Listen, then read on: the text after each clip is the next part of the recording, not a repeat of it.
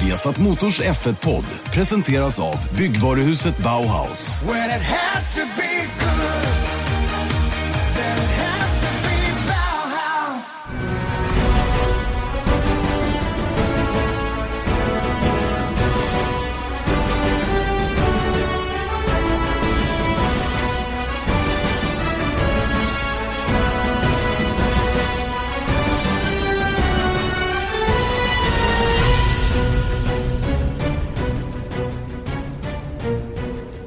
Mycket välkomna då till eh, Viasat Motors Formel 1-podd. Janne Blomqvist, Erik Stenborg som har åkt eh, ja, runt 20 mil eh, österut. Ut på fältet. Västerut har vi åkt. Ja, ut på fältet. Var är vi Erik? Ja, var är vi, Marcus Eriksson? Vi är på Örebro Paddelcenter, nystartade Örebro Paddelcenter. Mycket trevlig miljö. Ja, det måste man säga. Sitter här i en konferenslokal och blickar ut över åtta, Nio banor. Nio banor. Sveriges Paddel. näst största. Mm. Näst Ja. största. Ja, exakt. Vi var störst, men jag tror Helsingborg har, har, har bräckt oss. Vi- när, vi, när vi byggde så var vi nio skulle vara störst i Sverige, men jag tror att de la till två så de är uppe i tio nu. Så får vi se om det blir utbyggnad här så småningom. Ni öppnade i fredags ändå, så då kan ni ju börja bygga ut. exakt, Nu. exakt. Det börjar bli dags snart. Eh, vi sitter ju här som sagt då för att spela in eh, veckans Formel 1-podd och eh, jättekul att eh, vi får eh, tillgång till dig Marcus. Det är ju spännande att höra om allt som har hänt under säsongen, det som har hänt den senaste tiden och lite grann om hur det ser ut framöver också då givetvis i Formel 1-världen och vi har dessutom ett antal lyssnarfrågor som vi har tagit med oss. Mm, det har vi gjort, som man har skickat in genom eh, Facebook, facebook.com F1-podden, Just det, mycket bra adress. tycker jag. Ja. Eh, och eh, till att börja med Marcus, eh, ett eh, glatt besked för din del då förra helgen med eh, annonseringen utav Alfa Romeo som ny sponsor för eh, Sauber och att det nu är bekräftat att det är du och Charles Leclerc som kommer att köra för teamet då 2018. Lite nervös väntan tror jag fram till dess att det här beskedet äntligen blev offentligt. Ja, verkligen. Det var, jag tyckte jag kände med, eh, i mitten på säsongen så kändes det bra som att jag skulle få fortsatt förtroende i, i Sauber. Men sen eh, under hösten så blev det ju eh, en hel del saker som hände. Eh, just med det här snacket med Ferrari som, som blev mer och mer eh, intensivt vad jag förstod det och sen började det komma rykten om Alfa Romeo, och hur mycket inblandning Ferrari egentligen skulle ha i Sauber, hur mycket de ville ha och, och så vidare. Och det vart eh, rätt mycket spekulationer och, och, och diskussioner om det och eh, det är sånt som inte jag är direkt inblandad i såklart men, men det blir ändå då att det, det blir eh, frågetecken och det vart till slut väldigt, väldigt hård konkurrens om de här två platserna eftersom de dessutom med den här Alfa Romeo-satsningen blev väldigt attraktiva också. Så eh, nej, det var riktigt kul att, eh, att jag blev en av de två. Hur, hur mycket visste du om, om de här? För att vi började höra rykten kanske någon månad innan. Allvarliga rykten om Alfa Romeo. Hur, hur mycket visste du innan?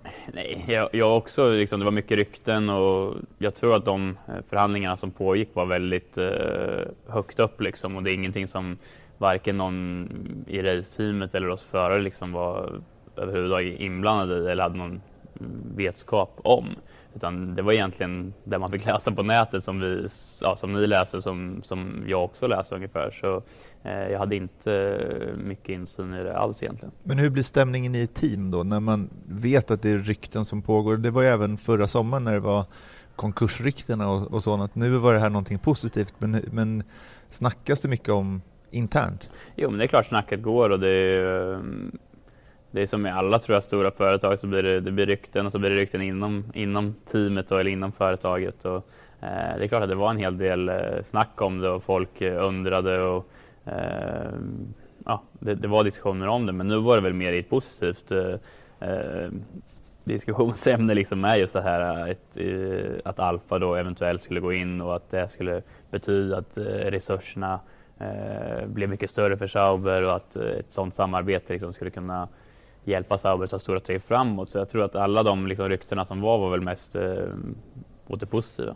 Du fick ju givetvis inte besked om att du skulle få köra vidare samma dag som det annonserades. Hur långt i förväg får man veta sånt om man kan säga något generellt eller Ja, för din del? Det var runt Abu Dhabi-helgen som jag fick veta det, kan man säga. Så, så det var inte så långt innan, det var en, en vecka innan.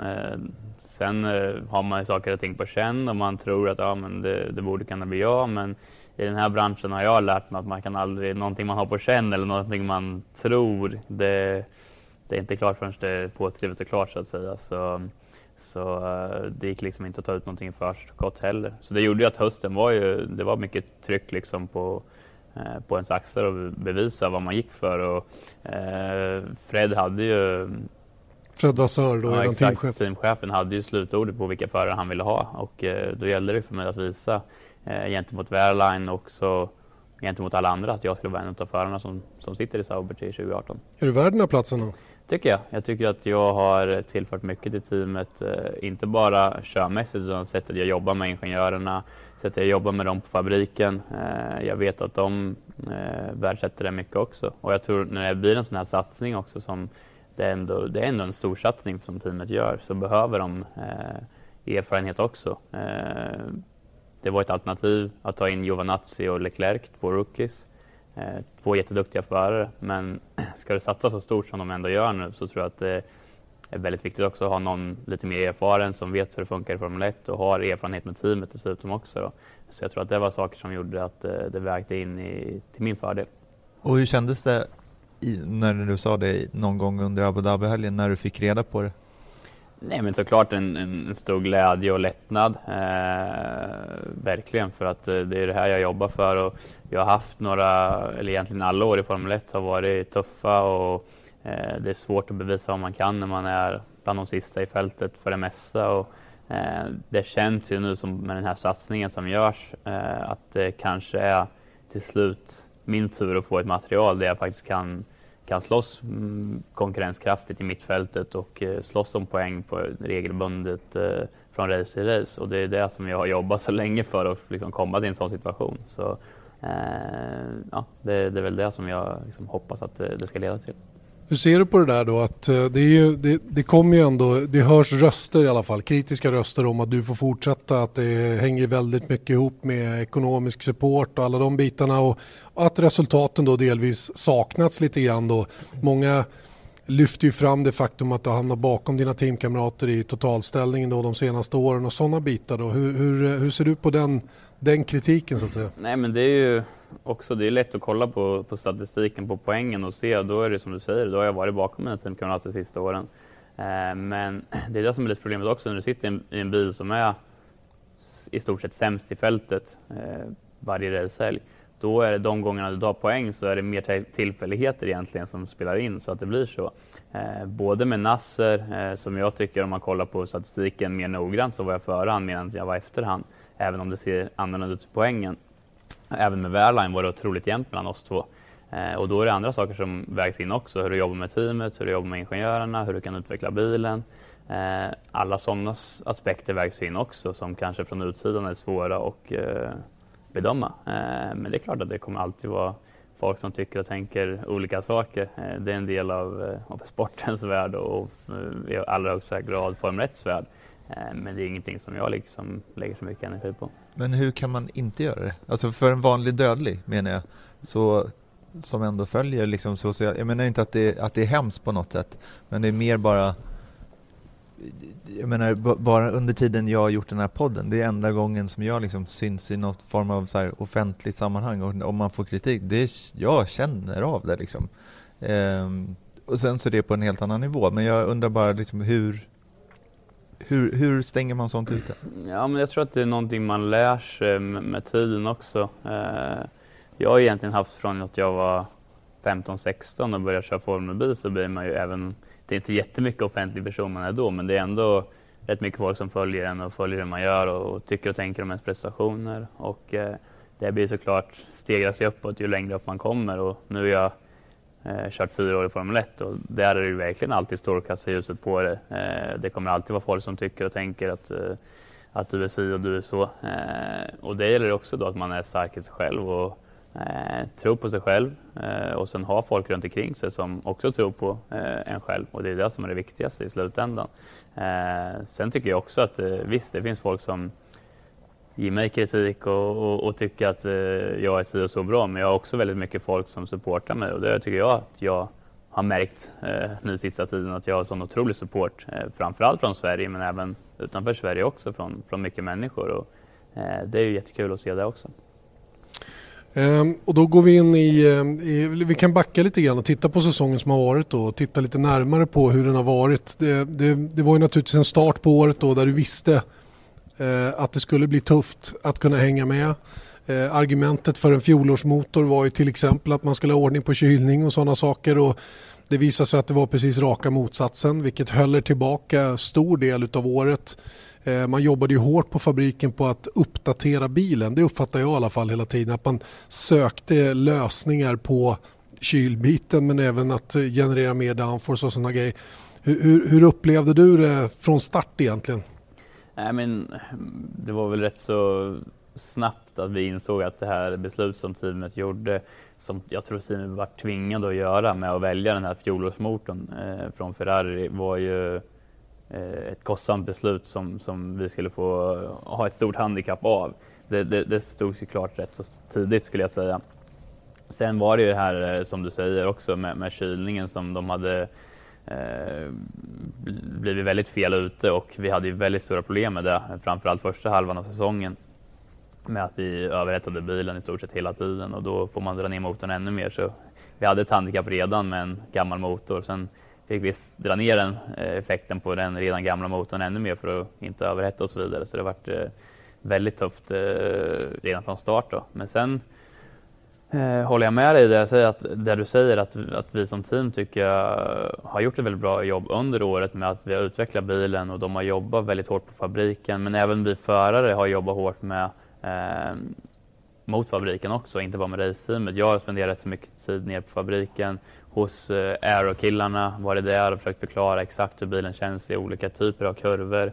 Eh, vart jag tror att det är viktigast alltså att vi fokuserar Ehm, utvecklingen av eh, aerodynamiken på det mekaniska greppet eh, och försökt verkligen lägga ner eh, all, alla detaljer för dem så att de verkligen ska kunna förstå vart de ska fokusera på Eh, för att utveckla bilen. Och det tycker jag gav resultat också eh, i och med att sista 4-5 racen så var vi faktiskt mer konkurrenskraftiga än på hela året var de sista 4-5 racen. När det egentligen borde ha varit tvärtom för att då var motorn liksom gapet mellan den gamla motorn och de nya motorerna var som störst på slutet såklart eftersom de nya motorerna utvecklades hela året medan våran så stod still. Men där gjorde vi som sagt som team eh, tog vi stora steg framåt och det gör att man är hoppfull inför nästa år också då, när vi har en ny motor i bilen. Att eh, vi kan liksom bygga vidare på det här. Mm. Hade, får jag bara fråga, apropå den här motorgrejen, att det var ju eh, långtgående planer på att ni skulle gå med Honda nästa år. Eh, när det beslutet då reviderades och det blev Ferrari istället, hände någonting hos Ferrari? Förstår du vad jag menar? Att hände, blev det bättre? Key question. Det, är, det är lite känsligt såklart, men, men eh, men det är klart, självklart. Ferrari är ju mer det... intresserade av att, att, att, göra ett bra jobb för oss när de vet att vi ska köra Ferrari 2018 och, och framöver där också. Eh, men sen innan det, det är, inte så att Ferrari gjorde, dål, gjorde ett dåligt jobb bara för att vi skulle byta till Honda. Det, det, skulle jag absolut inte säga. Men jag tror att det fanns mer vilja från Ferraris sida att det mm. skulle gå ännu bättre för oss. Det, ska jag förklara lite vad Erik menar här? Det är alltså så att efter det att det signades om då med Ferrari så, så skulle det kunna vara ett incitament för Ferrari att kanske lägga manken till lite mer med det som går att göra med den här gamla motorn. För själva hårdvaran var ju ingen utveckling på utan det var ju lite andra grejer och möjligen där då som man kunde hjälpt till lite då möjligen och, och, att det då i sin tur gynnade er. Men jag upplever mer att det var det här med att när man började få kläm på, på kylningen på bilen så att ni kunde använda all den effekt som fanns då helt plötsligt så börjar saker och ting falla på plats. Jo men det, absolut var det så och eh, kylningen mm, var, tror jag, i alla fall en större hade en större effekt än vad vi trodde som team också. Vi var lite fel med kylningen i början, trodde inte att det kanske, det är klart vi visste att det inte var optimalt, men vi trodde inte att det var så kritiskt som det ändå var. Och sen när vi under årets gång fick mer och mer ordning på det,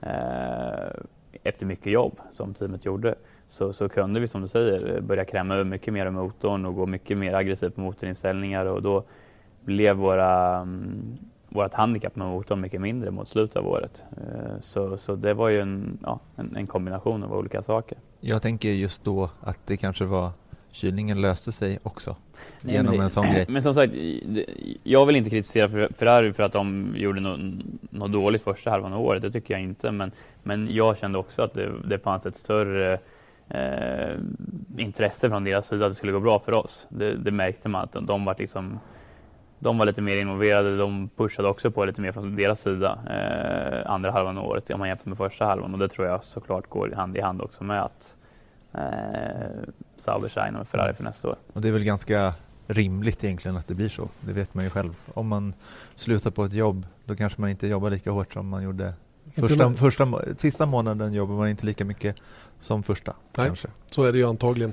Eh, sen var det några grejer också med bilen som, som faktiskt skedde då mot slutet i kombination med allt det andra. Då. Ny framvinge till Japan som eh, visade sig då, eller som i, i vindtunnel och i data inte kanske skulle ge så oerhört mycket men som jag fick förklarat för mig i alla fall av er tekniska direktör Jörg Sander gjorde stor skillnad i känslan för er som kör. Ja precis, det var vi tog fram den nya framvingen och den enligt eh, den datan vi kunde samla från vindtunnel och eh, andra simuleringsprogram så skulle den inte ge så mycket mer downforce överhuvudtaget. Jag tror den var ungefär samma downforce som, eh, som den gamla framvingen. Men just att den, den var en annan karaktär på, eh, på hur den framvingen kändes när man körde med den. Och det gjorde att övriga balansen i bilen blev lite lättare att förstå sig på när man körde så bilen var lite mer förutsägbar när man körde. Så man fick lite mer självförtroende i körningen och du kunde börja pusha lite mer och sen liksom bollade på varandra och sen till slut så vart den där framvingen en, en rätt så bra förbättring. Som som sagt, och det är det som också är intressant med Formel 1 också, att det är inte alltid att nummer och siffror betyder allt. Att den här ska vara si och så mycket snabbare. Det kanske inte alltid är så, för den kanske är så mycket snabbare i en perfekt värld med en ny framvinge som ska vara en halv sekund snabbare säger vi i, datan. Men den är helt obalanserad så du kan inte använda den där halvsekunden utan den är kanske långsammare. Men då istället om man hittar en framvinge som har en rätt karaktär så den känns lättare att köra, då kanske man som förare kan ta fram några tidandelar. Så det, det är mycket sådana saker som är invecklade och avancerade men det var en sån grej som hände då med den här nya framvingen vi fick i, i Japans GP. Och det är också sånt som är svårt att ta med när ni som förare bedöms också uppfattar jag det som att, att väga in alla de här små detaljerna som sker när man tittar hardcore bara på siffror, inkörda poäng, kvalstatistik och allt vad det nu är. Vi hade ju ett annat bekymmer för det under året också som var det här med övervikten. Att bilen i princip från Bahrain, Barcelona någonstans blev eh, tyngre än minimivikten vilket innebar att du då som en större förare rent fysiskt än vad Pascal Wehrlein är började lida lite mer av det. Och när det gapet minskade mot slutet igen så, så kändes det också som att ni blev tajtare ihop rent fartmässigt. Ja, absolut. Och det är ju, om man kollar på statistiken mellan mig och Pascal så var vi de två jämnaste eh, förarna, eller teamkamraterna på hela fältet tror jag. Om man kollar på alla eh, kval och race. Eh, och då ska man ha i åtanke som sagt som du säger att jag hade ett vikthandikapp från, Bars eller från Bahrain eh, på mellan 4 och 10 kilo. Eh, och det är väldigt, väldigt känsligt i, i framförallt Formel 1-bilar, de här extra kilorna. Och man brukar ju säga att 10 kilo är någonstans mellan 3 och 4 tiondelar per varv beroende på banan. Och eh, det är något som jag har inte skrikit jättehögt efter det för att det är ja, inget bra för teamet och, och liksom ha en förare som gnäller på det och skyller på det var och varannan gång man kommer ur bilen. Utan jag jobbar på och jobbar tillsammans med mina ingenjörer och de på fabriken för att försöka få ner den siffran. Jag jobbar på mig själv också och gick ner fem kilo från början på året till slutet på året eh, och ville liksom inte hänga fram det som en orsak. Eh, och det tror jag att jag vinner på i slutändan. Men det är klart att man kan göra annorlunda också och sitta och skylla på det varje gång. Men jag tror inte att i slutändan man vinner på det. Men det är också aspekter som såklart teamet vet om och som de väger in när de ska välja förare. Och som de väger in. Så de kollar inte bara på att ja, Pascal Werner tog fem poäng och Marcus tog noll poäng. Utan de väger in sådana saker med att varje varv Marcus körde så hade han en viss eh, handikapp på grund av sin vikt. Eh, självklart är det en sak som är väldigt stor betydelse. Mm. Varför varierar den vikten? Du säger mellan 4 och 10 kilo? Det beror på för att vissa banor så har du eh, full downforce-paketet på bilen, vissa banor har du medium downforce eller low downforce och alla de paketen väger olika mycket. Likadant med kylningen, vissa banor måste du ha full kylning på, vissa banor kan du ta av rätt så mycket kylning för att det är temperatur eller hur banan är utformad.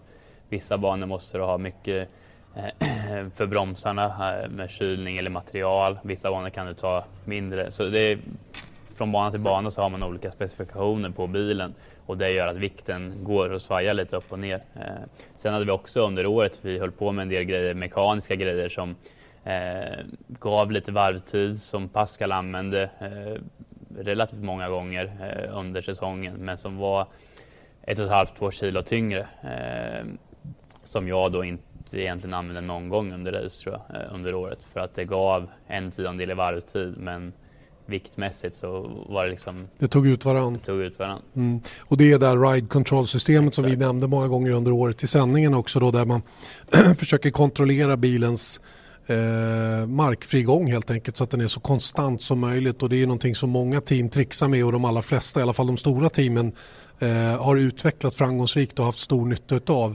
Ni fick det aldrig riktigt att fungera. Eh, den tredje riktigt stora faktorn till att det gick fortare på slutet var ju också uppfattar jag det som att ni fick bättre förståelse för hur däcken skulle förberedas, köras rent temperaturmässigt. Kan du förklara lite grann vad det var som skedde? Det kan jag. Det var, vi har ju däcksingenjörer som jobbar enbart med däcken och de tar ju fram genom olika simuleringsprogram och Eh, analyser eh, ett optimalt fönster vart däcken ska, ska arbeta för att få maximalt grepp. Eh, och där jobbar man jättemycket med och liksom det är ju nyckel liksom i allting, att hur du får däcken att fungera. Speciellt Pirelli-däcken är ju ett väldigt känsligt däck rent generellt. Och där jobbade vi mycket under början på året. Och ja, vi trodde att vi var liksom på rätt, i, i rätt temperaturfönster. Eh, sen under andra halvan av året så eh, började väl jag tvivla lite på om vi verkligen var rätt där, för jag kände att jag inte riktigt hade eh, det här förtroendet som jag ville ha från, från hur däcken fungerade. Så jag började experimentera lite själv faktiskt eh, med att köra däcken. Kanske inte, jag värmde inte upp dem lika mycket som jag skulle ha värmt upp dem eh, för att prova och köra med däcken lite kallare och då hittade intressanta saker när jag började experimentera med det. Och eh, vi började gå mer åt det hållet och det, då fanns det mer... Var, var det du själv som gjorde det? Liksom? Ja, men det var lite olika anledningar som gjorde att jag, jag trodde att eh, det kunde vara åt det hållet som skulle vara bättre. Och, eh, så det var faktiskt rent konkret så var det i Austin, eh, så det var väldigt sent på säsongen, eh, så var det en, på en av träningarna så var det virtual safety car väldigt länge. Och då kallnar ju däcken eh, alldeles för mycket egentligen. Eh, och då sa teamet, ja men in i depån, däcken är för kalla. Då sa nej men vi väntar ut den och så jag vill prova ett varv efter virtual safety car. Så vi väntar ut den, väntar ut den. Så vi åkte, runt, åkte runt, runt, runt, däcken var alldeles för kalla. Sen till slut stod virtual safety car slut. Och då laddade jag på och då var däcken egentligen, jag tror det var 10, runt 10 eller 12 grader för kalla. Vilket är väldigt mycket. Och då körde jag mitt snabbaste varv som jag hade kört på, på hela dagen. På det första flygande varvet. Mm. Och det var ju liksom för mig då att wow, det här, och bilen kändes väldigt bra att köra. Du hade väl också sett att Pascal hade testat att köra kanske två avsvalningsvarv innan han gick på och ja, såg exakt. att han... Det var en av anledningarna till att jag började fundera mer i de här banorna. Att uh, ofta skulle du köra ett uh, nedkylningsvarv på däcken och Pascal gjorde många gånger två, gånger, två nedkylningsvarv. Och han körde också många gånger eller jag trodde att han var inte lika bra på mig att sätta däcken i rätt temperatur. För du, du har ju på, på ratten eh, en, en, sensor på alla fyra däcken och eh, du vet ju vad du ska ha för att, när du ska börja ett flygande varv för att de ska liksom vara i optimalt fönster. Eh, och han var alltid under det, eh, la jag märke till. Att han var alltid några grader under det. Och jag började fundera, varför kan inte han sätta det? För jag tyckte det var rätt så lätt att liksom värma upp däcken till rätt temperatur. Det tycker jag var så svårt är inte det. Men han liksom flera, flera gånger så såg jag att han alltid var lite under. Eller rätt mycket under ibland också. Så då började också det, liksom, alla de här grejerna gjorde att det började snurra runt lite i skallen på mig. Att liksom det kanske är någonting i det. Och därför ville jag också prova det. Och sen när jag provade så märkte jag att det fanns prestanda där och då började jag diskutera det med ingenjörerna, med däcksingenjörerna. Vi analyserade jättemycket och började gå åt det hållet med dels hur vi hade rimheating på, på, på däcken för att få dem att liksom inte bli så varma utan jobba eh, över en lång sträcka också under ett race i ett kallare fönster. Så vara eh, snitt fem grader eh, kallare lägre. eller lägre mm. eh, än, eh, än vi hade haft innan. Då. Och allt det här gjorde att eh, bilen kändes bättre att köra och vi var mer konkurrenskraftiga. Misstänkte du att Pascal kanske hade fått informationen där från, han har ju trots allt en annan arbetsgivare. Ja, det går ju att spekulera i hur han hade kommit på det eller, Mm. han, eller För varför han gjorde Det, det. det känns ju inte som man bara hittar på det av sig själv.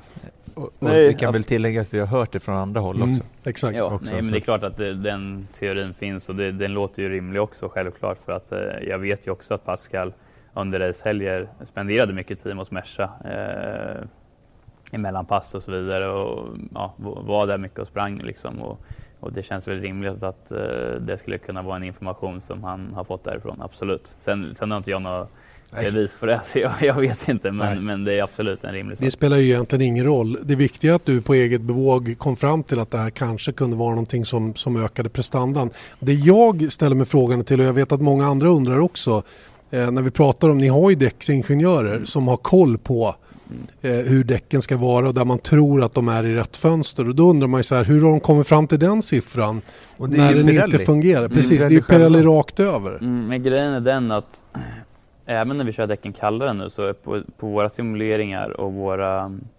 eh, beräkningar, analyser så kör vi däcken på inte optimal för att få optimalt grepp över, över ett varv eller över ett race utan vi kör det under det. Men det vi tror när vi analyserar det djupare för att det är ju väldigt mm, detaljerat man måste kolla i och det vi tror är att däcken då opererar i ett fönster som är lite mer förutsägbart när man kör. Att däcken eh, är inte lika peaky kallar vi det. Alltså, Nej. de är liksom inte lika känsliga till eh, de, de, som sagt, eh, De får ett bredare fönster får ju lägre det känns. Och det blir le, mer för, för mig som förare så kan jag känna mer vad däcken gör och vad, vad bilen då i sin tur gör. Så jag får en bil som är mer lättkörd. Och har en bil som är mer lättkörd då kan du attackera mer för du litar mer på vad bilen ska göra. Du vet vad bilen kommer göra om du tar med dig mer fart här. Så jag tror att det vi gjorde var att vi kanske sänkte lite optimalt grepp men gjorde bilen mer lättkörd så att jag som förare då kunde kompensera och köra några tiondelar snabbare. Samma som vingen egentligen som vi pratade om Ja, tidigare. lite, med lite, ja, lite samma grej, exakt. Och det är det som gör att det var ingenting som jag tror ingenjörerna kunde se, för de såg bara, ja men kör vi den kallare så tappar vi optimalt grepp. Så det ska vi inte prova, för då, då får vi mycket mindre optimalt grepp. För de kollar ju alltid, vart är det optimala greppet? Mm. Vart får vi det optimala greppet? Det är ju så man jobbar som ingenjörer, är ju det allt de jobbar och allt de kan jobba med det på ett sätt också. Men ibland glömmer ingenjörerna bort att det är en förare också som ska köra och en förare är mänsklig och han behöver ha förtroende för bilen, han behöver ha, eh, ha en känsla för, för grejerna och har han en bil som man har mer känsla för, mer förtroende för så kan du som förare göra en större skillnad. Eh, en, en eh, tredje sak som jag vet att många undrar över och jag också faktiskt ställer mig frågan till. Många gånger under året så hörde man ju framförallt under träningarna på fredagen att ni, eh, äh, vi provade med lite mindre downforce. Och så det slutade alltid med att ni la på all downforce ni hade istället. Och då undrar man ju varför, varför slösar man bort den tiden då när man allt, nästan alltid fick samma svar? Det är många som undrar och jag också faktiskt. Ja, det var ju framförallt skulle jag säga första halvan av året. Eh, sista, när vi var konkurrenskraftiga så var vi inte riktigt, då hade vi gått bort från den taktiken. Men det var ju lite det klassiska att vi visste att vi hade handikappet med, med, med motorn och då ville vi kompens eller ville ingenjörerna kompensera det med mindre vingar. Och det, ex, det kommer tillbaka till exakt samma grej egentligen. De simulerar innan helgen och på deras simulationer så går det snabbare att köra med mindre downforce med den eh, motorn vi har. Så därför så har deras simulationer så är då när vi kommer till en bana så är den mindre downforce än den snabbaste vi har. Men mindre downforce gör att bilen blir mer svårkörd. Det är svårare att eh, ha däcken under kontroll och som förare får du mindre förtroende för bilen. Så det vart oftast att i en simulation så var det snabbast att köra med den där mindre downforcen men när vi fick på mer downforce så fick jag som förare mycket mer förtroende för bilen så då kunde jag utnyttja bilen mycket bättre. Och det var ju hela tiden då under första halvan av året en lite fight mellan mig och ingenjörerna. För ingenjörerna som simulerar så, ja men det här är ju simulerat, det här är det snabbaste och så kommer jag i andra hörnan och säger, ja men jag skiter i vad som är simulerat snabbast, jag vill ha det som känns bäst för att då kan jag köra snabbare. Och det var rätt så mycket fram och tillbaks där under årets. Eh, men sen tycker jag att jag vann lite den kampen för eh, sista fem sex racen så var vi alltid egentligen på max downforce i stort sett. Det är ju, alltså, det, det, det är faktiskt svårt tycker jag, alltså från, som utomstående. För man tänker liksom att Formel 1 det är så sjukt hög nivå på allting. Och jag kommer kom ihåg när vi pratade om det här med däcken, för vi fick ju reda på det ja, runt Austin också. Ehm, inte minst genom att, att tala med dig under helgerna, att, att man hade liksom kommit fram till det här. Att det kan ta så lång tid. Liksom, vad, vad är? Att ingen kläcker den Ja, idén liksom- tidigare. Ja, att Mm. man, när man är så hopplöst efter, då borde man liksom vara öppen för allt. Hur, hur ser den processen ut? Liksom att man, är man liksom inkörd i, är det tidsbrist som gör att man...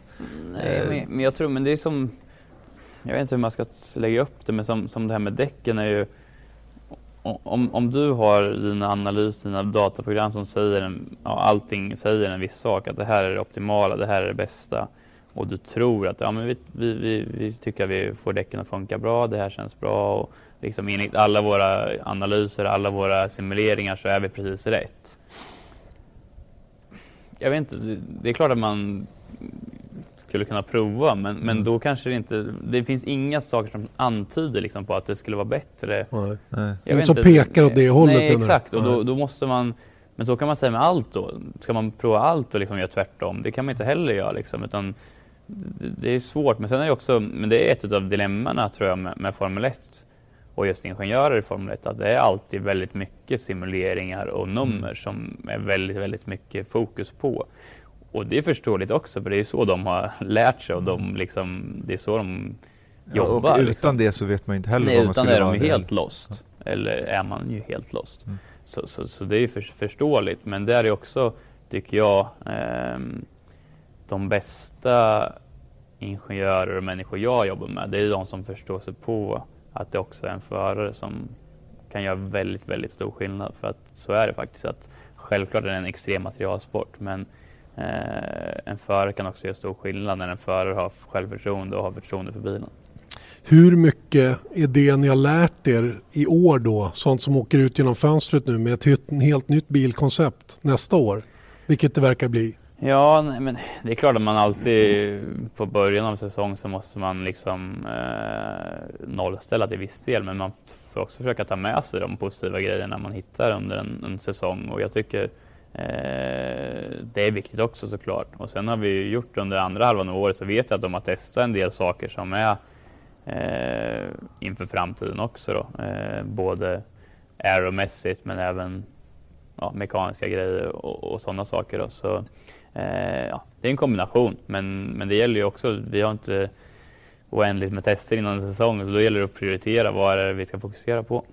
Eh, och det är väl en sak till man kan konstatera att inom citat ju sämre bil man har desto mindre fönster har man ju att jobba i också. De bättre bilarna har ju ett bredare fönster när de fungerar skapligt till att de blir riktigt, riktigt bra. Det vill säga när man har när man har finjusterat setupen och får allting att lira till 100%. Och det kan man ju även se på Mercedes Ferrari många gånger att de kämpar lite under fredagen men när de har vridit till det där sista ja, då är de där uppe där bilen är absolut på toppnivå. Det är inte lika lätt heller i en Sauberbil att göra det antar jag. Nej, men så är det ju absolut. Eh, utan, ja, nej, men jag, det håller jag med helt och hållet. Om man ser då på säsongen, om, om vi skulle gå igenom säsongen från början till slut, inte fastna i varenda race för det kommer ta alldeles för lång tid, men om man, om man tittar på just Australien, hur, hur, hur har känslan varit? Liksom att, hur, hur var Australien, hur var Kina, hur var Bahrain? Nej, men det var ju lite speciellt i år på början på säsongen eftersom Pascal inte körde och Giovanazzi kom in och liksom hoppade in eh, som lite gubben i lådan. Eh, och Giovanazzi är ju ingen dålig förare utan han är ju en, en, en jätteduktig förare. Men det är klart att det blev ett väldigt tryck på mina axlar att jag liksom skulle vara, vara ledaren då eftersom jag var den erfarna föraren. Eh, jag tycker det fungerade så bra eh, första helgerna. Vi var en, del, en, en bit efter men ja, det, det, det, rullade på. Sen kom Pascal in och vi hade väl, jag tycker direkt från start så var jag och Pascal otroligt jämna. Eh, Världsmässigt, egentligen varje pass var vi väldigt jämna och även i kval och racen. Utom möjligen i Bahrain då. Ja, första helgen var han lite starkare men, eh, men det tror jag också ja, det, det, det blev bra för han där nere. Eh, vill inte analysera det för mycket men nej, det, han, han började bra absolut men sen var det väldigt jämnt med oss efter det. Eh, ja, men sen hade jag som sagt mitt vikthandikapp som inte hjälpte till utan det var tufft också.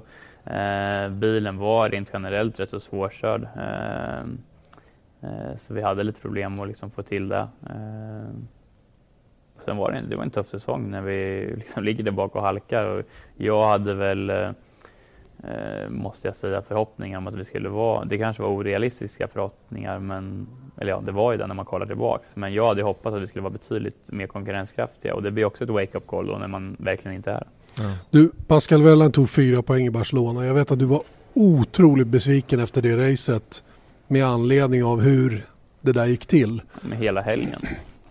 Hela Barcelona-helgen. Jag var otroligt stark på alla träningar. Jag vet inte om ni kommer ihåg, men jag tror jag var 16, 17 varenda träningspass och före rätt så många bilar. Pascal var nowhere egentligen hela helgen.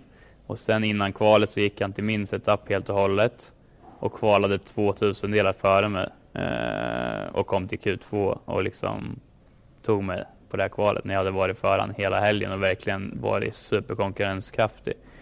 Eh, så det var, redan där var det riktigt surt. Eh, och liksom, för jag kände verkligen att jag var superstark där nere och det är en bana som jag alltid har varit stark på också. Det, det kändes verkligen som att allt liksom klaffade. Och sen racet så äh, låg jag och Pascal och liksom skugga. Jag låg och skugga Pascal egentligen hela första stinten. Uh, och tanken var att vi båda skulle göra en enstoppare. Uh, men sen fick jag problem med mitt break by wire system. Så det hoppade ur två gånger ja, i mitten på racet. Och det gjorde att jag fick en bromsplatta på mina däck. För när break by wire systemet hoppar ur så får man en väldigt, väldigt lång bromspedal som inte funkar som den ska. Så när jag kom till en kurva så hade det hoppat ur. Jag tryckte på bromsen och då låste jag upp framdäcken, fick en bromsplatta och då kunde inte vi göra den enstopparen som Pascal då gjorde utan då var vi tvungna att ta ett snabbt beslut och göra en tvåstoppare. In i depån, eh, men det gick ändå okej okay, för vi med tvåstoppen så trodde jag vi skulle kunna komma till ungefär samma position i slutändan ändå. Men då kom ju så, såklart eh, den här virtual safety car precis efter jag hade gjort eh, mitt i påstopp. Eller, tre, ja, två, tre varv efter. Helt fel i alla fall. Ja. Så att alla andra kunde göra sina depåstopp gratis då. Och då tappade jag de här fyra, fem platserna som vi hade haft bakom annars då. Eh, så det, nej, det, var, det var en riktigt uh, tuff, uh, tuff helg att liksom svälja för att det kändes verkligen som att jag hade en otroligt bra fart där och det var liksom lite den här känslan att allt grinade emot. Alla, alla marginaler var emot den. Var det low pointen på säsongen? lågpunkten? Nej, nej, det tycker jag inte. För att jag tycker att jag... Mm, eh, det var ju till himla bra det Ja, jag tycker hela helgen var, som att det var kanske den bästa helgen för mig körmässigt. Med varenda pass var jag verkligen bara on top of everything. Och liksom det var, det, jag kände mig skitstark hela tiden. Eh, så, så, det skulle jag inte säga. Low point skulle jag säga, det var nog uh, Malaysia. Uh, utan tvekan faktiskt, för den helgen var inte bra. Vi hänger kvar lite vid Barcelona, för det var ju en annan grej också som gjorde att Pascal kunde ta de där fyra poängen som han har fått så otroligt mycket cred för under året. Mm. Eh, och eh, på det sättet som han tog de där poängen, han smet in i depån på fel sida om konen och blev bestraffad för det och de kallade in honom exakt, exakt på tiondel, egentligen en tiondel på fel sida mm. när det skulle ske och hela den grejen. Och det, det är klart att då grinar ju oturen emot en ännu mer när han dessutom blir så väl belönad för den lilla, lilla, lilla detaljen. Ja, men, men så är det ju i motorsport och han hade eh, marginalerna på sin sida och, och, och, sen gjorde han ett jättebra jobb också. Det får man inte liksom sticka under stolen med utan han gjorde ett felfritt race och liksom hade otroligt tur med Virtual Safety Car att den kom när den kom och liksom att han, han komma in i depån som du sa med en tiondels marginal. Eh, men för oss i Sauber så var det så man skulle behöva göra för att ta poäng. Mm. Eh, och det racet var allt som klaffade liksom för hans del och då tog han de där poängen. Eh, det, det, är klart, som sagt, det var surt att det inte var jag. Du pratade om low point i Malaysia. Vi, backar lite till tidigare på säsongen. Det hände ju en grej i Monaco också som var lite speciell. Eh, avåkningen bakom säkerhetsbil där som som såg otroligt märklig ut. Jag själv utbrast i vilken dundertabbe sa jag i sändning och det kan man ju tycka att det var. Kan du förklara vad det var som hände egentligen? Ja, nej men det är klart att det var en tabbe. Det är väl, det är väl ingenting att liksom hymla om så. Men sen hade det väl sina orsaker till att det blev som det blev. Eh, ska försöka komma ihåg det också. Ja, det som hände var ju eh, bakom säkerhetsbilen så blev du eh, ombedd att ja, ovarva dig. Nej men jag hade haft problem med, med broms bromsarna eh, som hade överhettats under rätt så lång tid under racet. Så jag hade eh, väldigt dåliga bromsar eh, under den tiden på racet. Så jag kunde inte värma bromsarna under säkerhetsbilen, eh, vilket är någonting som är väldigt viktigt när du ligger bakom en säkerhetsbil för att det är kolfiberbromsar och håller du inte värme i dem så um, funkar, de, funkar inte. de inte helt Nej. enkelt. Utan de funkar genom värme. Och på grund av att de var så pass slitna då eh, så var jag ombedd att inte, värma, inte använda bromsarna under säkerhetsbilen för att just när vi väl drog igång igen så skulle de börja överhetta igen. Så att för att försöka komma hela vägen hem liksom, så sa de använd inga, så lite broms du kan under säkerhetsbilen. Eh, sen var det också Monaco i den långsammaste banan så när vi låg bakom säkerhetsbilen så gick däcken såklart väldigt, väldigt kalla. Mm, men det är ju samma för alla. Men det är också när du använder bromsarna så kan du hålla liv i däcken, hålla dem i temperatur mycket lättare för att du använder värmen från bromsarna till att hålla temperatur i däcken. Eh, så det blir lite som en snöbollseffekt och sen när jag får grönt ljus och ska köra om så viker jag sidan, ska köra, kom, åker om utan några problem, säkerhetsbilen. Sen kommer jag till första kurvan, trycker på bromsen och det händer ingenting i stort sett. Utan det, det finns ingen broms. Och det, det är ju som att det går i slow motion även för mig. Liksom. Det är bara, ingenting händer, jag får inte någon bromsverkan och så glider jag bara rakt in i, i, i räcket. Det, det, är klart att, det är klart att det är en tabbe för jag, jag vet ju att bromsarna inte ska ta så bra. Jag vet att däcken inte är i temperatur men ja, det händer väldigt snabbt och, och det är klart att det, det, ser inte, det ser inte bra ut. Absolut inte. Nej. Eh, någonting som naturligtvis diskuterades en hel del i efterhand och det är ju lite intressant bara att höra vad det var som hände för det fattar man inte riktigt när man inte kör den här typen av bil hur det där kan ske. Va? Och visst, det, det jag möjligen skulle kunna kritisera dig för, varför väntar du inte till upp för backen? Alltså ja, en absolut. sån liten detalj. Men det är också, du kör ju på instinkt när det blir grönt ljus, då kör du och det är liksom det är också, du, du, måste hinna förbi, sen ska du hinna kappkön innan de drar grön flagg igen. Du kan inte ligga bakom och såsa där heller, utan det är ju tempo, tempo, tempo. I Formel 1 är det alltid handlar om att ligga på attack liksom. Och det är klart, självklart i efterhand skulle jag vänta till efter kurva 1 och köra för backen, men nu gjorde jag inte det. Eh, ja, det, det, det, är små marginaler, men som sagt, det, det såg väldigt, väldigt mycket värre ut än det såg ingen bra ut, absolut Nej. inte. Det kan man väl konstatera. Det, det, kan man, det kan man lätt konstatera att det inte gjorde. Det kändes inte så bra heller kanske. Nej, det förstår jag och jag menar kliva ur bilen i ett sånt läge måste ju vara bland det värsta, mm. värsta walk of shame man kan göra. Eh, om man vänder istället till höjdpunkt då på säsongen. Det är mycket att avhandla. Mm. Man ska komma vidare. Ja, ja, ja sorry, sorry. Fastna lite. Ja, nej, jag gillar de här små detaljerna. Jo, jo, jo men det, det, nej, det är men okay. Jag tycker väl att det, det är våran liksom eh, tycker jag, vändning på, på året och liksom den upphämtningen vi gjorde sista fyra, fem racen där vi kom tillbaks i fighten med mittfältet och faktiskt slogs med Toro Rosso och Haas på, på lika liksom, ja, på, på våran fart. Inte på att de hade problem eller att de gjorde missar eller att ja, det var saker och ting som spelade emot dem. Utan vi, vi kom tillbaks med riktigt hårt jobb, eh, både från raceteamet, från förarna, från fabriken så kom vi tillbaks i, i, matchen liksom och lyckades vara med och slåss med dem och, och det tycker jag var, var ett, eh, ett kvitto på att det, all slit vi gjorde under året liksom belönade sig. Um, så det skulle jag säga liksom är det, det positiva jag tar med mig. Och sen då, nu är det eh, ja, i slutet av mars drar det igång igen. Då med Alfa Romeo Sauber F1 Team. Just det. Och vad eh, vi pratade om Alfa lite i början av den här intervjun, men sen vad är det för samarbete som vi kan vänta oss från Alfa Romeo och Sauber? Eh, men som jag har förstått så går ju Alfa Romeo in i det här för att de vill stärka varumärket Alfa Romeo. Eh, och ser väl det här som en perfekt eh, plats att göra det. Eh, för Sauber så är det perfekt att få en sån fabrikssupport eh, som, som det ändå blir. Och det betyder ju också att samarbetet mellan Ferrari och Sauber kommer utvecklas väldigt mycket tror jag till att vara mycket, mycket tajtare. Eh, och det är något som jag tror vi kan dra otroligt stor nytta av. Eh, sen hur, hur pass mycket det blir och vilka detaljer, det är, det är väl inte helt bestämt än vad jag har förstått. Men självklart så är det en stor satsning från, jag menar, Fiat-gruppen liksom och, och Alfa Romeo som namn går ju inte in i Formel 1 som liksom på det här sättet som de kommer göra nu om de inte vill göra det bra. Jag mm. menar, de vill inte sätta det på en Sauber och liksom gå in i ett sånt samarbete och ligga längst bak och, och komma sist varje race. Så jag tror att det blir ett väldigt, väldigt lyft för teamet och det blir självklart bättre resurser eh, och som sagt ett mycket tajtare samarbete med Ferrari. Så jag ser det enbart som positivt. Um jag fick frågan bara igår senast eh, vad det här betyder så att säga i, i det korta perspektivet och jag förklarade att jag tror inte att det betyder någonting egentligen i det korta perspektivet. Naturligtvis betyder ju Alfa Romeo mer intäkter.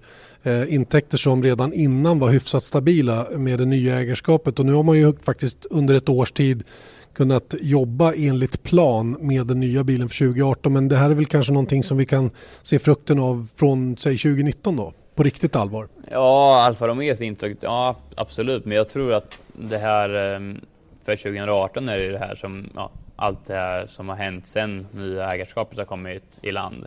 Frukten av det arbetet och alla resurser som kommer in då kommer vi se till 2018. Så därför så är jag hoppfull till 2018 att det kan bli ett, ett starkt år för Sauber, eh, Alfa Romeo. Det, det är verkligen, det, det tror jag det är en remarkabel vändning verkligen som det här teamet har gjort och vi har påtalat det flera gånger från eh, konkursmässiga för eh, drygt ett och ett halvt år sedan till att nu kanske ha en budget som till och med kanske passerar sådana som Force India, Williams, eh, Toro Rosso, Haas. Jag, jag, skulle kunna tänka mig det i alla fall med det här tillskottet som blir och det här är ju någonting som alla vet att varvtid kostar pengar. Hur snabbt vill du se resultat?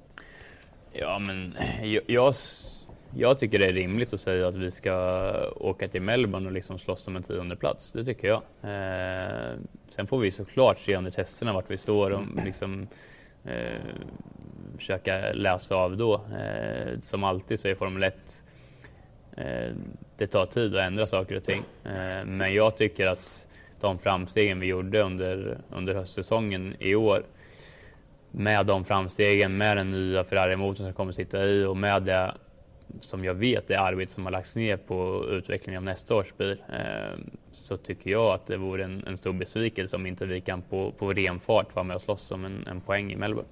Belys lite grann var ni ligger nu då. Vad, vad har du hört från fabriken? Hur, hur, ser det ut? Jag hörde ju lite grann från Jörg Sander som sagt i Abu Dhabi men berätta lite grann vad du vet om hur ni ligger till rent planeringsmässigt. Om jag ska vara helt ärlig så är det ju alltid i Formel 1 när du inte är klar med föraren inför året som kommer så är det lite hemlighetsmakeri så de har inte involverat mig jättemycket i vad de har gjort eller inte gjort och vart de ligger med bilen. Jag har till exempel inte sett någon eh, vindtunnelmodell på bilen som har funnits rätt så länge. Eh, så därför har inte jag full koll på, på det. Jag ska till fabriken veckan innan jul och, och liksom gå igenom allting och se allting och sätta mig in i allting mer. Men jag vet ju att det har lagts otroligt mycket resurser och tid på framförallt eh, Arrow-sidan. Eh, självklart på de andra departments också, alltså andra delarna också. Men jag vet att det största fokuset som jag har förstått det så är det ju på Arrow-sidan där vi måste stega upp. Och det ser vi också när vi jämför på GPS-jämförelser eh, med andra team och så vidare. Att de långsammaste kurvorna där det är mest mekaniskt grepp som krävs, där ligger vi helt okej okay med. Men det är de här medium till snabba kurvorna som vi verkligen har mycket att hitta. Eh, och där vet jag att det har lagts väldigt, väldigt mycket eh, resurser och tid på. Ja, och, då, och nu vill jag komma in på, du har en ny teamkamrat nästa år, Charles Leclerc, regerande F2-mästare, Ferrari Junior. Vad eh, känner ni varandra till att börja med? jag har ju lärt känna Charles under hösten. Han har ju kört, är det fyra eller fyra, fyra FP1 med oss i Sauber och Eh, så jag har lärt känna honom, sett lite hur han jobbar och eh, för det första tycker jag han verkar vara en, en trevlig kille liksom och ödmjuk eh, kille och, och, det har funkat bra. Det lilla vi har jobbat har det funkat bra liksom och vi har kunnat diskutera. Jag har gått fram till han när han har kört FP1 och frågat om hur kändes det liksom. Och det är alltid rätt så intressant för mig som förare också att se hur han Liksom jag och Pascal körde hela året men det är kul att se när en sån kille hoppar in i en bil. Vad känner han? Vad, vad tycker han bilen känns som och så vidare. Så det tycker jag funkar rätt så bra. Eh, sen är det ju ingen tvekan om att han är en otroligt duktig förare och jag tror det är bara att kolla liksom. Han är väl den, en av de mest upphypade eh, nykomlingarna i Formel 1 på många, många år. Det är väl bara Verstappen som kan liksom mäta sig med hans, den hypen som är runt Charles de Klerk nu när han kommer in i Formel 1. Och Ferrari har ju liksom eh, satsat på han stenhårt och jag tror många ser han som en framtida världsmästare. Eh, så för mig att sitta liksom i, i, i, samma team som han, det tycker jag är... Igen, jag, jag säger alltid att ju bättre teamkamrat jag har desto bättre är det för mig för då får jag chans att visa vad jag går för. Eh, och man blir alltid mätt mot sin teamkamrat. Så jag, jag tycker det känns toppenbra. Hur viktigt är det då för dig att liksom, i ett större perspektiv eller vilket perspektiv som helst egentligen att slå honom? Jätteviktigt. Det är alltid viktigt att slå teamkamraten och eh, jag ser det här som min stora chans nästa år. Att det här är min chans som jag har jobbat stenhårt för och väntat på att få. Liksom, att eh, förhoppningsvis sitta i ett material som är bra och dessutom sitta mot en supertalang som, som Leclerc är. Eh, det här är min chans att visa vad jag kan i Formel 1 och visa att jag ja, så bra som jag tycker att jag är. Eh, det har jag chansen att visa nu under 2018. Så nej, jag, jag tycker inte det kan bli en bättre möjlighet för mig. Nu ska jag ställa en fråga då som har att jag, jag vet inte hur du kan svara på eh, den här, men du får prova. Jag, jag provar att fråga, rent av. Jättebra idé. Ja. Och då är det så här, Charles Leclerc, en Ferrari Junior som du säger, en väldigt hypad eh, sådan. Dessutom Ferrari självklart jätteangelägna om att, att han ska göra bra ifrån sig. Som sagt, han är Ferrari Junior, ni har eh, nära samarbete med Ferrari, ni har deras eh, nya motorer. Är det ens rimligt att tro att det skulle kunna finnas potential att, en väldigt svår fråga. Kom till poängen Erik. Ja. ja, men, Nej, eh, men du, du, du, förstår vad jag är ute jag efter? Jag förstår vad du är ute efter. Eh, och eh, jag tror väl så här, säg så här, för 20-30 år sedan skulle man absolut kunna Fibbla. Fibbla och, och komma undan med det och, och liksom göra saker och ting som den ena föraren gynnas av den andra inte gjorde det. Och det kan man absolut göra idag med. Men skillnaden är idag så sitter det sensorer på allt.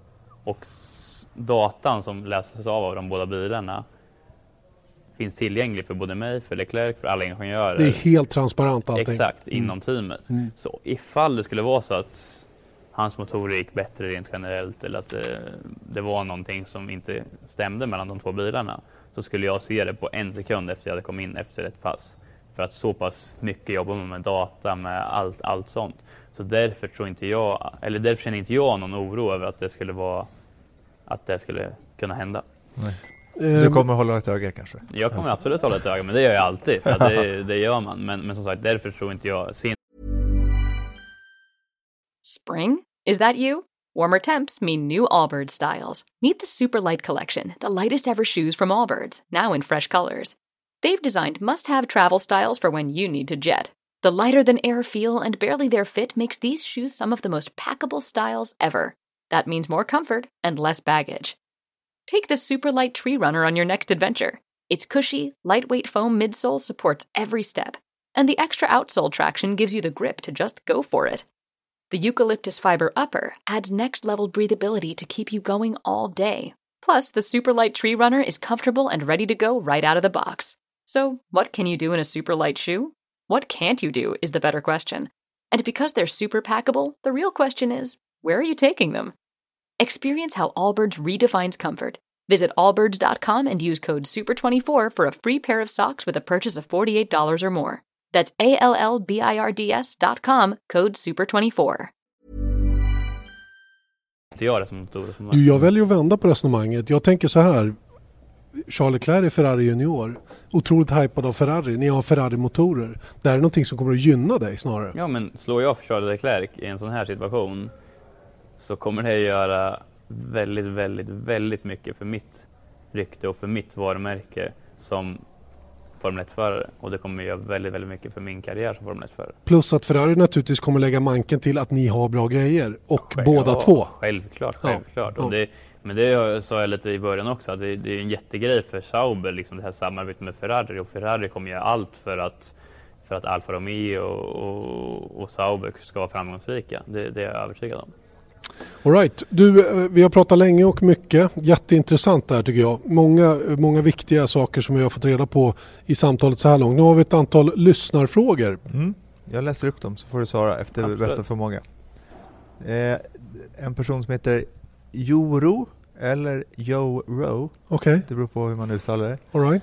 Eh, frågar så här. Hur upplever du förarmötena vi fått se klipp ifrån under året? Och är det så att mindre meriterade förare kan ta strid med de stora hajarna som Hamilton, Alonso och Vettel? Det är helt enkelt, mm. hur är det på ett förarmöte? Ja, men det är klart att de, de lite mer rutinerade grabbarna eh, tar väl lite mer plats eh, naturligt liksom.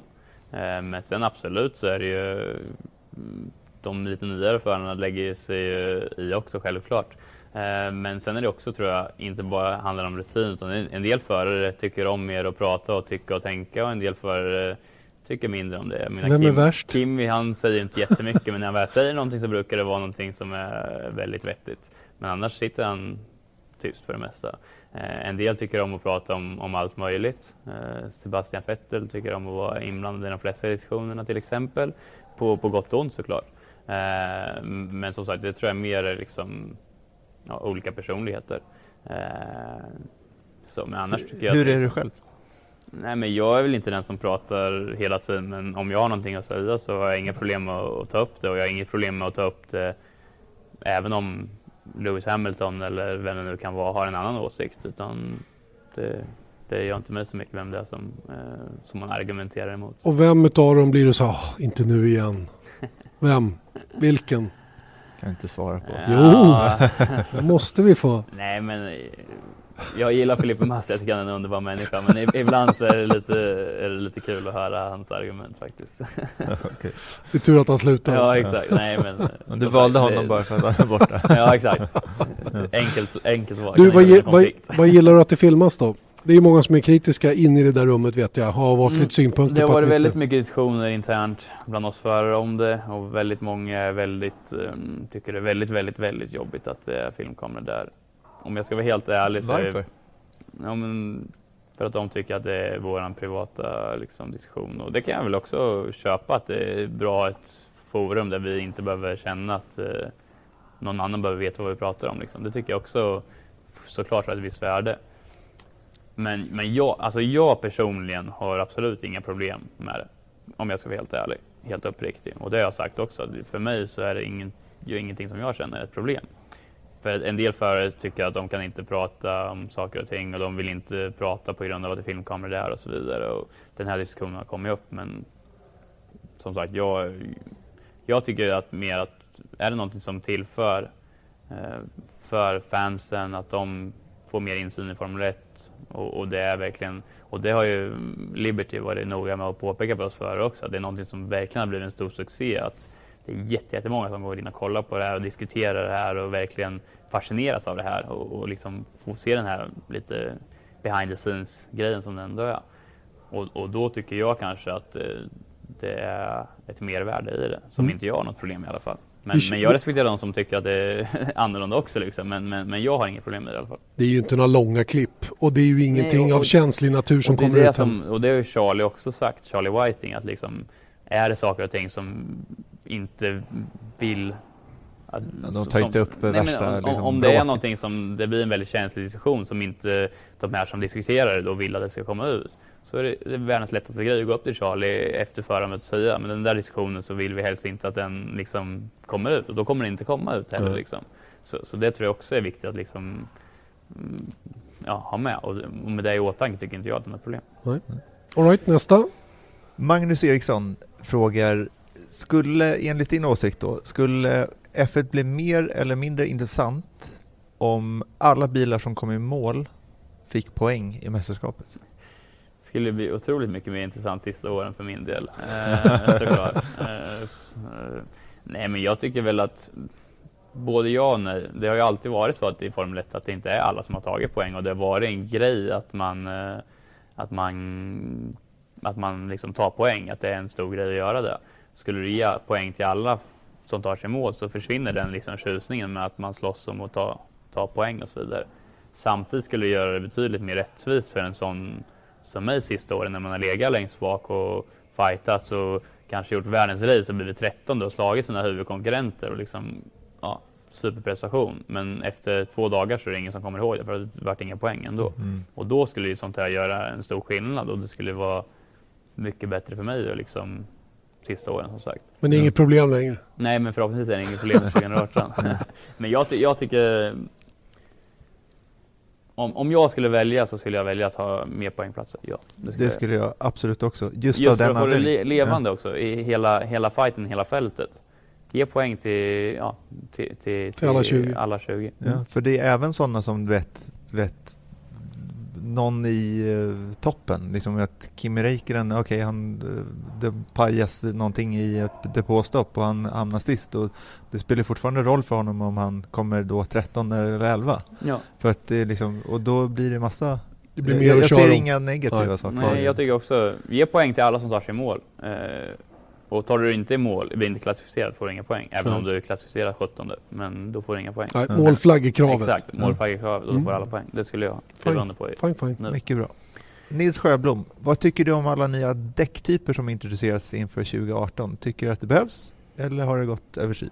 Nej, men jag tycker det, jag ser inga problem med det. Eh, jag har inte riktigt fattat varför det ska vara ett problem med det riktigt heller det, det kommer fortfarande vara eh, tre däckstyper per racehelg och sen om de heter Hyper eller Super eller vad de nu kallas tycker inte jag eh, är något problem i alla fall. Utan om de däcken passar bättre så att vi kan ha bättre passade däck till olika typer av banor och temperaturer så är väl det bara positivt, tycker jag. Men, men ja, jag har också förstått att det är många som tycker att det är för mycket däckstyper och så vidare. Men, men jag köper inte riktigt det. Thomas, eh, ja, det här är också ett svårt efternamn, Rodiner. Rodiner. Rodiner, Rodiner, mm. Rodiner. Thomas Rodiner. Under din tid i F1, har du fått visa din full, fulla hundraprocentiga potential under ett lopp? Och i så fall, när och var var det? Jag tror jag vet. Eh, ja, ja, men jag tycker jag har gjort några riktigt, riktigt bra race där jag visat eh, vilka kvaliteter jag besitter, både race och eh, kvalprestationer. Eh, nu senast så kanske Mexiko eh, kommer i liksom åtanke. Men jag tycker ändå att jag fortfarande har mer att visa och som sagt, jag tror att kan jag få ett material där jag kan visa det så kommer jag kunna visa mycket, mycket mer vad jag kan. Vad tänker du? Mexiko förra året tänker jag. Ja, jo absolut. Ja, det också. Det, var, det var ett bra. riktigt, riktigt bra race. Mm. Absolut, absolut. All right, nästa. Niklas Ekman, förutom att köra bil på jobbet, tycker du om att köra bil privat? Ja, det är lite... Jag, jag kör ju aldrig bil när vi är ute och reser, utan det gör alltid Alex. Han är alltid min eh, chaufför när vi är ute i, i världen på race och så vidare. Eh, och det är också lite så här... Jag har absolut ingenting emot att köra bil privat liksom eller så, men det är ingenting som jag... Det är inget du njuter av? Nej, liksom. faktiskt inte. Utan mitt jobb är att köra Formel 1-bil och, och, och det till att köra bil på gatan privat. Eller liksom, ja, det är så himla annorlunda. Och, eh, ja, absolut, jag kan se en, en tjusning att köra en fin bil liksom på, på vägen. Absolut. Eh, men, men det är ingenting som jag går och drömmer om. Det kommer ju vara så sen när, när, du får din Alfa som du ska köra på, då kommer du tycka att det är underbart. Ja, självklart. Eller hur? Varje gång. Ja. fråga, fråga om några månader igen då. Eh, Kjell Salander, kan du för en vanlig dödlig beskriva upplevelsen av G-krafterna i den nya bilen ställt mot vardagssituationer som vi själva, som en vanlig människa kan uppleva? Hur, hur påverkas man under ett helt lopp av de här krafterna? Och, alltså, försök beskriva det. Mm, det är svårt att beskriva. Det är svårt, det finns inte riktigt någonting som jag upplevt som är liksom likt det. Just G-kraftkänslan kanske en sån snabb karusell kan vara att du trycks liksom. Jag tänkte säga det, en, en typ en berg och dalbana. Ja exakt, den mm. G-kraftkänslan. Men sen blir det ändå annorlunda när du själv, när du, du själv som eh, påverkar liksom när du svänger så blir alltså det blir en väldigt annorlunda känsla då eftersom du själv kan eh, manövrera hur G-krafterna kommer. Så att det blir inte en slump som det blir ändå i en berg och dalbana. Men just själva känslan för kroppen påminner om när du åker en väldigt snabb och kuperad berg och dalbana. Vi cool. vet ju också. Vi har ja, kört. Ja, ja, ja herregud. Så, bättre, så, ni, kan, ni kan ju svara på du, du kan, Exakt. Men det blev inte så mycket G-kraft när ni körde? Jo då. Jag tror ju, när jag körde. Det blev i alla fall G. inte negativt. Det låg inte upp och ner. Så att det blev. Ja. Eh, Johan, Lundén, Johan Lindén, hur tränar du bilkörning off-season? Eh, en del simulatorkörning, även om inte vi har någon egen simulator så har vi lite simulatorer som vi använder genom Sauber. Eh, sen försöker jag alltid någon gång under vintern köra lite på is eh, i Sverige, mm, norrut. Så det är väl egentligen det. Sen är det ju inte off-season så lång som tur är, utan det är ju egentligen december som är ledigt. Sen januari så är det, kör vi fysträning, sen februari drar testerna igång. Då. Mm. Du är ingen stor fan av simulator vet jag. Jag, jag kan väl se de eh, fördelarna som en simulator har, absolut. Eh, sen eh, tycker jag fortfarande att alla simulatorer jag har kört är, är, just en simulator. Det är inte någonting som man kan jämföra med att köra en, en racingbil, tycker jag, för att det är så pass annorlunda. Men, men som sagt, det finns många fördelar med simulatorer också. Helena Vivejo, efter alla intervjuer och träffar du har gjort, vad är du mest trött på att prata om? Och vilken fråga skulle du vara glad om du aldrig mer behövde svara på? Det är bra för mig att veta om inte annat. Ja, jag tycker det är rätt, kul det här forumet ja, verkligen. Uh, nej, jag vet inte. Det är väl... Uh, nej, inget sånt direkt jag kan komma på om jag ska vara helt ärlig. Uh, Skönt. ja, nej, men jag är väl rätt så... Jag har inga problem med just media och, och, och prata och intervjuer, utan det är något som är väldigt naturligt för mig. Och, Eh, Eh, jag brukar ha svar på det mesta liksom och, och kunna diskutera saker och ting. Eh, så det tycker jag inte, jag har aldrig sett det som något problem för mig liksom, utan, eller någonting som jag tyckte var jobbigt eller stressigt utöver liksom, utan det är någonting som är en del av jobbet och någonting som jag som sagt känner att jag är bra på att hantera. Tina Lagerqvist, är det någon punkt i din karriär som varit avgörande, alltså riktigt avgörande för att du skulle nå dit du är idag? Eh, jag tror eh, min höstsäsong 2013 i GP2 var direkt avgörande till att jag kört Formel 1 överhuvudtaget. Hade jag inte gjort en bra höst där så hade det inte blivit Formel 1 utan då hade jag aldrig kört en meter i Formel 1. Mm. Så den hösten var direkt avgörande till att jag kom till Formel 1. Sen egentligen har ju varje år varit liksom kniven på strupen mot slutet på året med, för att vara kvar i Formel 1. Men framförallt kanske i Caterham då så var det ju väldigt, väldigt tufft första år med ett team som liksom var nowhere och bil som var nowhere och Kobayashi som var över 10 kilo lättare och körde skiten med mig egentligen hela året fram till sista tre, fyra helgerna när jag liksom verkligen vände på det och faktiskt slog Kobayashi.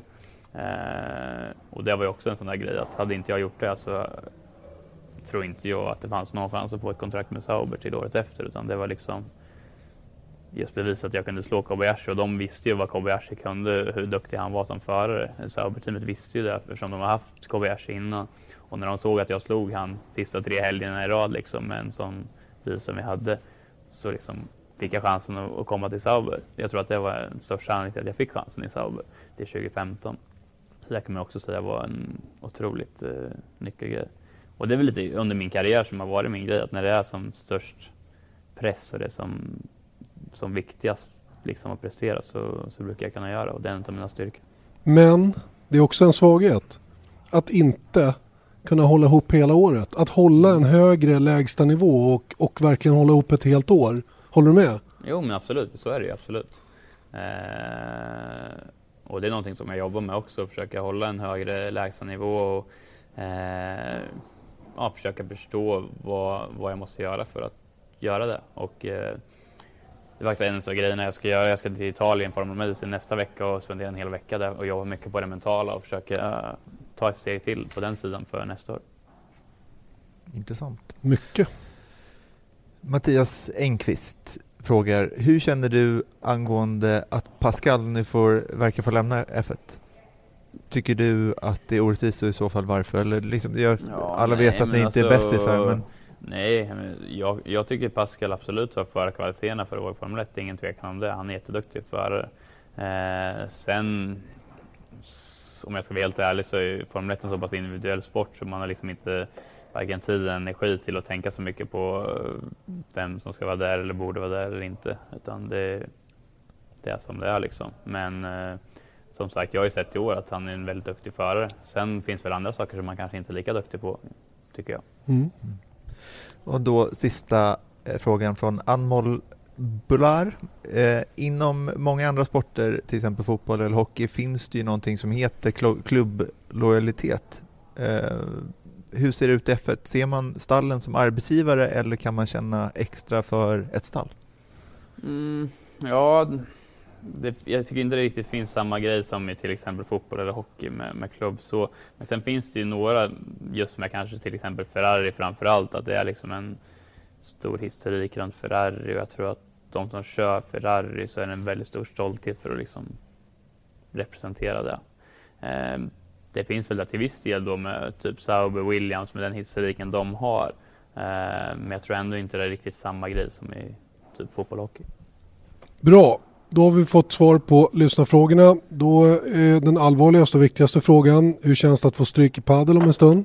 Ja, det får väl ni besvara till nästa podd. En, en, vi ska se till så att Marcus Eriksson går in i det här sista delen av året med en riktigt dålig känsla. Exakt, ja, exakt. Gött. Så ja. nu går vi och byter om tycker jag. Ja, nu kör vi. Tack snälla för att vi fick komma och eh, prata med dig. Eh, Formel 1-podden tillbaka nästa vecka igen, givetvis. Hoppas ni är med oss då. Så länge säger vi tack härifrån Janne Blomqvist, och Erik Stenborg och Marcus Eriksson.